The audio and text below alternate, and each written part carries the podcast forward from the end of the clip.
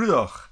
Dit is de podcast Beleggingsupdate, aflevering 25 van 25 juni 2021. Mijn naam is Joost Boors.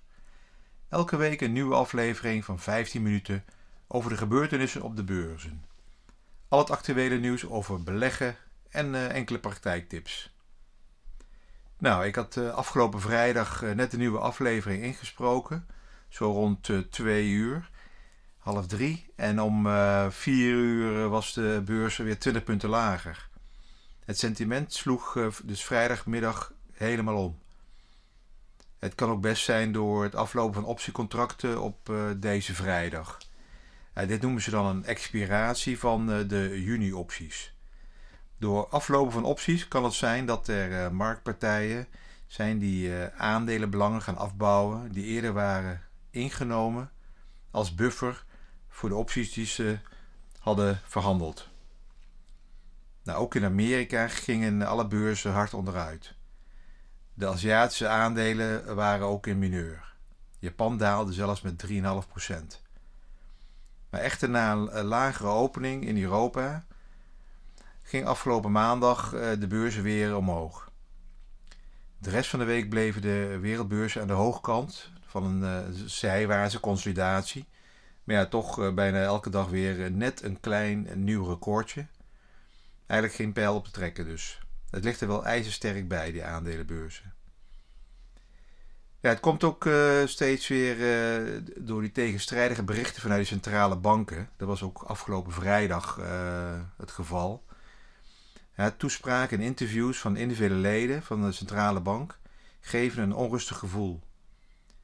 Nou, via Instagram liet ik vorige week een grafiek zien van de bewegelijkheidsindex, de VIX genoemd. Deze was op een eh, dieptepunt aangebeland.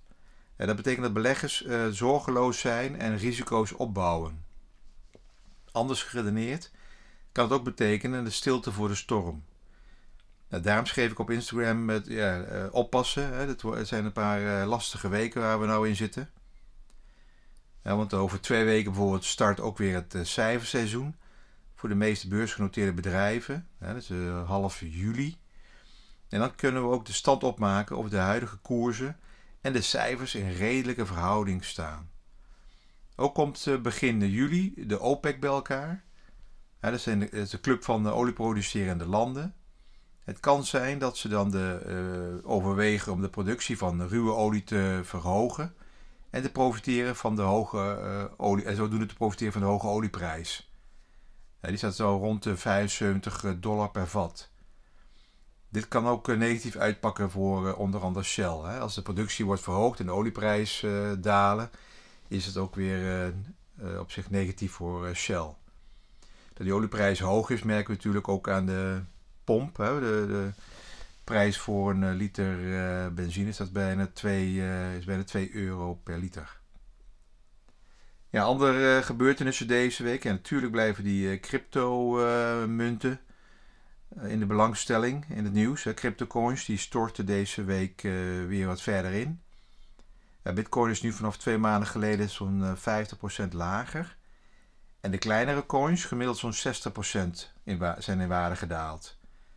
Nou, wederom was uh, China die keihard ingrijpt en uh, ja, blijkbaar geen liefhebber is van crypto's. Nou, behalve dan hun eigen gereguleerde digitale yuan. Nou, China kwam met een uh, nieuwe maatregel richting commerciële banken en ook naar Alipay. Alipay is sponsor van het EK voetbal. Om alle handel en transacties in crypto's te verbieden of te beperken.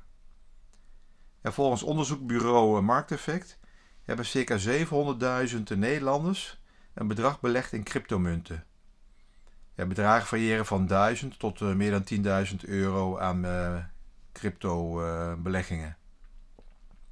Uh, hier zitten relatief veel jongeren bij die hun eerste stappen eh, niet met het reguliere beleggen op de beurs zijn begonnen, maar direct met het meest risicovolle, namelijk die crypto's. Ik heb geen idee hoe je uit circa 4000 verschillende munten er één of twee kan uitzoeken die iets uh, voorstelt of uh, belangrijk is of die over een paar jaar nog bestaan. En blijkbaar kan iedereen een munt beginnen. Ja, mijn leerervaring in crypto's heeft een, een negatief rendement op dit moment van zo'n 55% opgeleverd.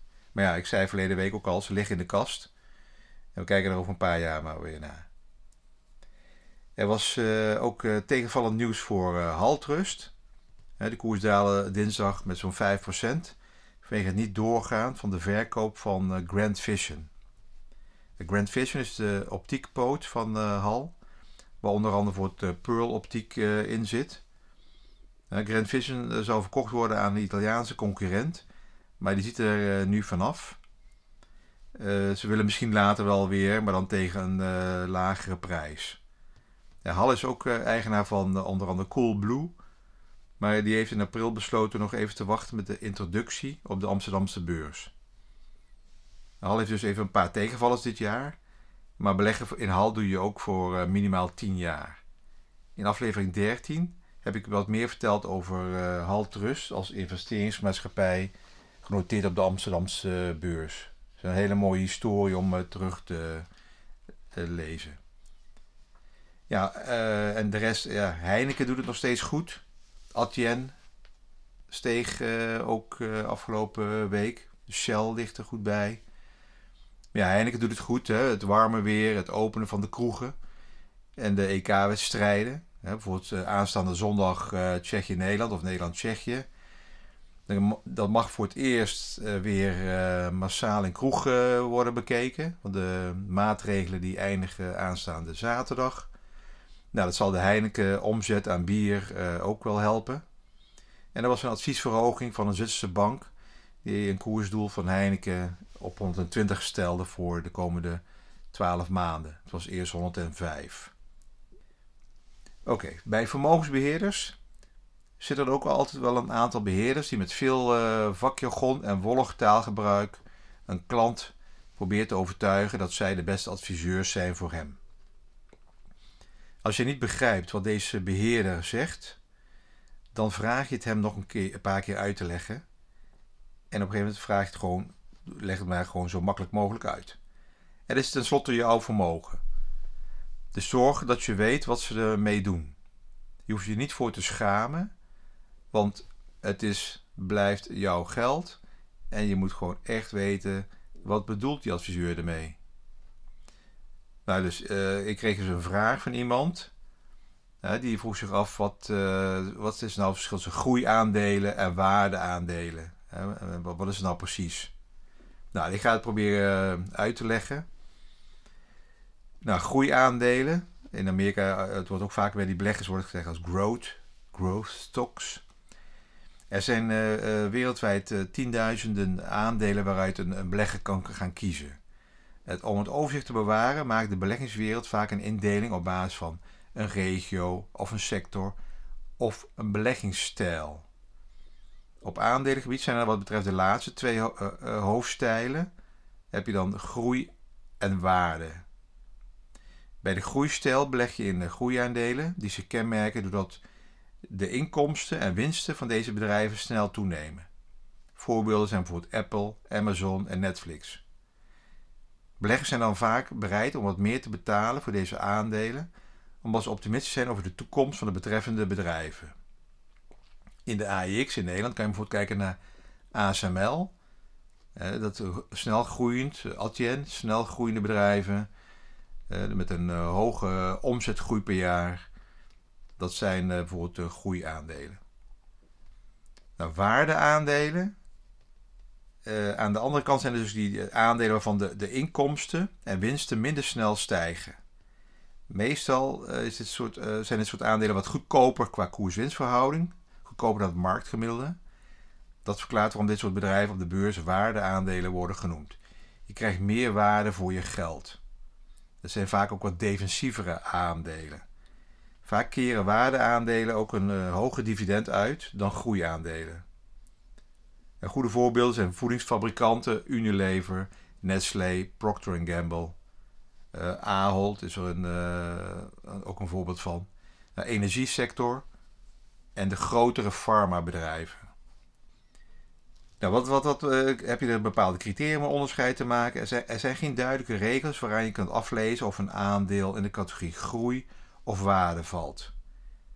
Nou, de index samenstellen voor de MSCI maakt het onderscheid onder meer aan de hand van de historische en de verwachte winstgroei en de snelheid waarmee de inkomsten van een bedrijf stijgen. Op die manier is het aan te geven of er sprake is van een groeiaandeel. Voor waardeaandelen zijn de hoogte van het dividendrendement, de koers-winstverhouding en de koers-boekwaardeverhouding per aandeel van een bedrijf de belangrijkste criteria volgens eh, MSCI. Een klein bedrijf kan een groeiaandeel zijn, maar na 20 jaar kan zo'n bedrijf het volledig tot wasdom zijn gekomen, helemaal uh, gegroeid zijn. Maar de enorme omzetstijging van 30, 40 procent per jaar is dan misschien afgevlakt naar 2, 3 procent per jaar. En dat bedrijf is dan, uh, kan dan verschuiven van groei naar waardeaandelen. Maar in het, in het kort is dat eigenlijk een beetje het verschil in de groei- en waardeaandelen. Nou, welke levert nou het meeste op? Nou, uit, het, koersverloop van eh, MSCI, uh, de groei- en waardeindex, komt naar voren dat de periodes waarin de ene groep het beter doet dan de ander elkaar elke keer afwisselen. Op de lange termijn is het verschil in rendement tussen groei- en waardeaandelen niet uh, heel groot. Het kan zijn dat groeiaandelen op een gegeven moment een, een behoorlijke sprint nemen. Maar na een aantal jaren eh, halen de waardeaandelen dat langzaam weer in. Vooral door dividenduitkeringen. En vaak hoor je ook de term uh, rotatie. dit is of een sectorrotatie of rotatie, beleggingsstijl rotatie. En dit is dus als die beleggers specifiek groeiaandelen ruilen voor waardeaandelen. In de verwachting dat de een het iets beter doet dan de ander in een bepaald tijdsbestek dit alles om een rendement te behalen dat hoger ligt dan de index. Een combinatie van uh, beide of kiezen voor de totale beursindex is een, wel een iets veilige keuze en voor iedereen toepasbaar. Maar ja, als je iets meer uh, verstand hebt, iets meer ervaring hebt van beleggen, dan, mag, dan kan je wel proberen hè, door, door gebruik te maken van een afzonderlijke specifieke groei- of waarde beleggingsfonds of indextrekker kan je iets meer risico toevoegen aan je al goed gespreide portefeuille. Nou, dat noemen dan banken ook weer, uh, je bent overwogen in groei of overwogen of onderwogen in waardeaandelen.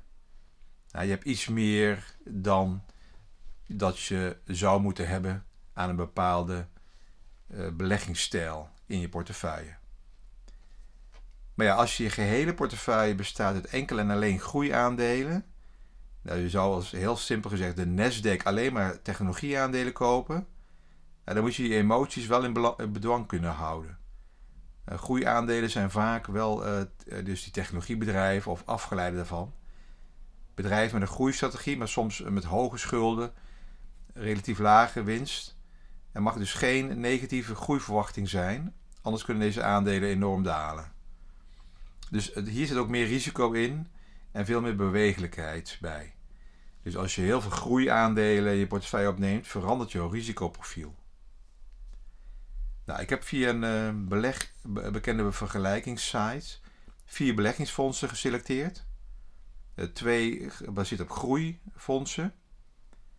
En dat is bijvoorbeeld de Comgest Growth Europe. En de andere groeifonds is Fidelity European Dynamic Growth. En ik heb ook twee waardebeleggingsfondsen geselecteerd. Het Kempen European High Dividends Fund en Franklin Mutual European Fund. Nou, dan heb je in ieder geval vier. Mocht je je portefeuille iets uh, meer uh, van het een of het ander willen uh, mee willen verhogen, je, je risico verhogen of iets defensiever gaan door meer waardeaandelen erbij te plaatsen. Dan kan je kiezen uit deze. Er zijn er nog meer, maar ik heb voor deze vier gekozen.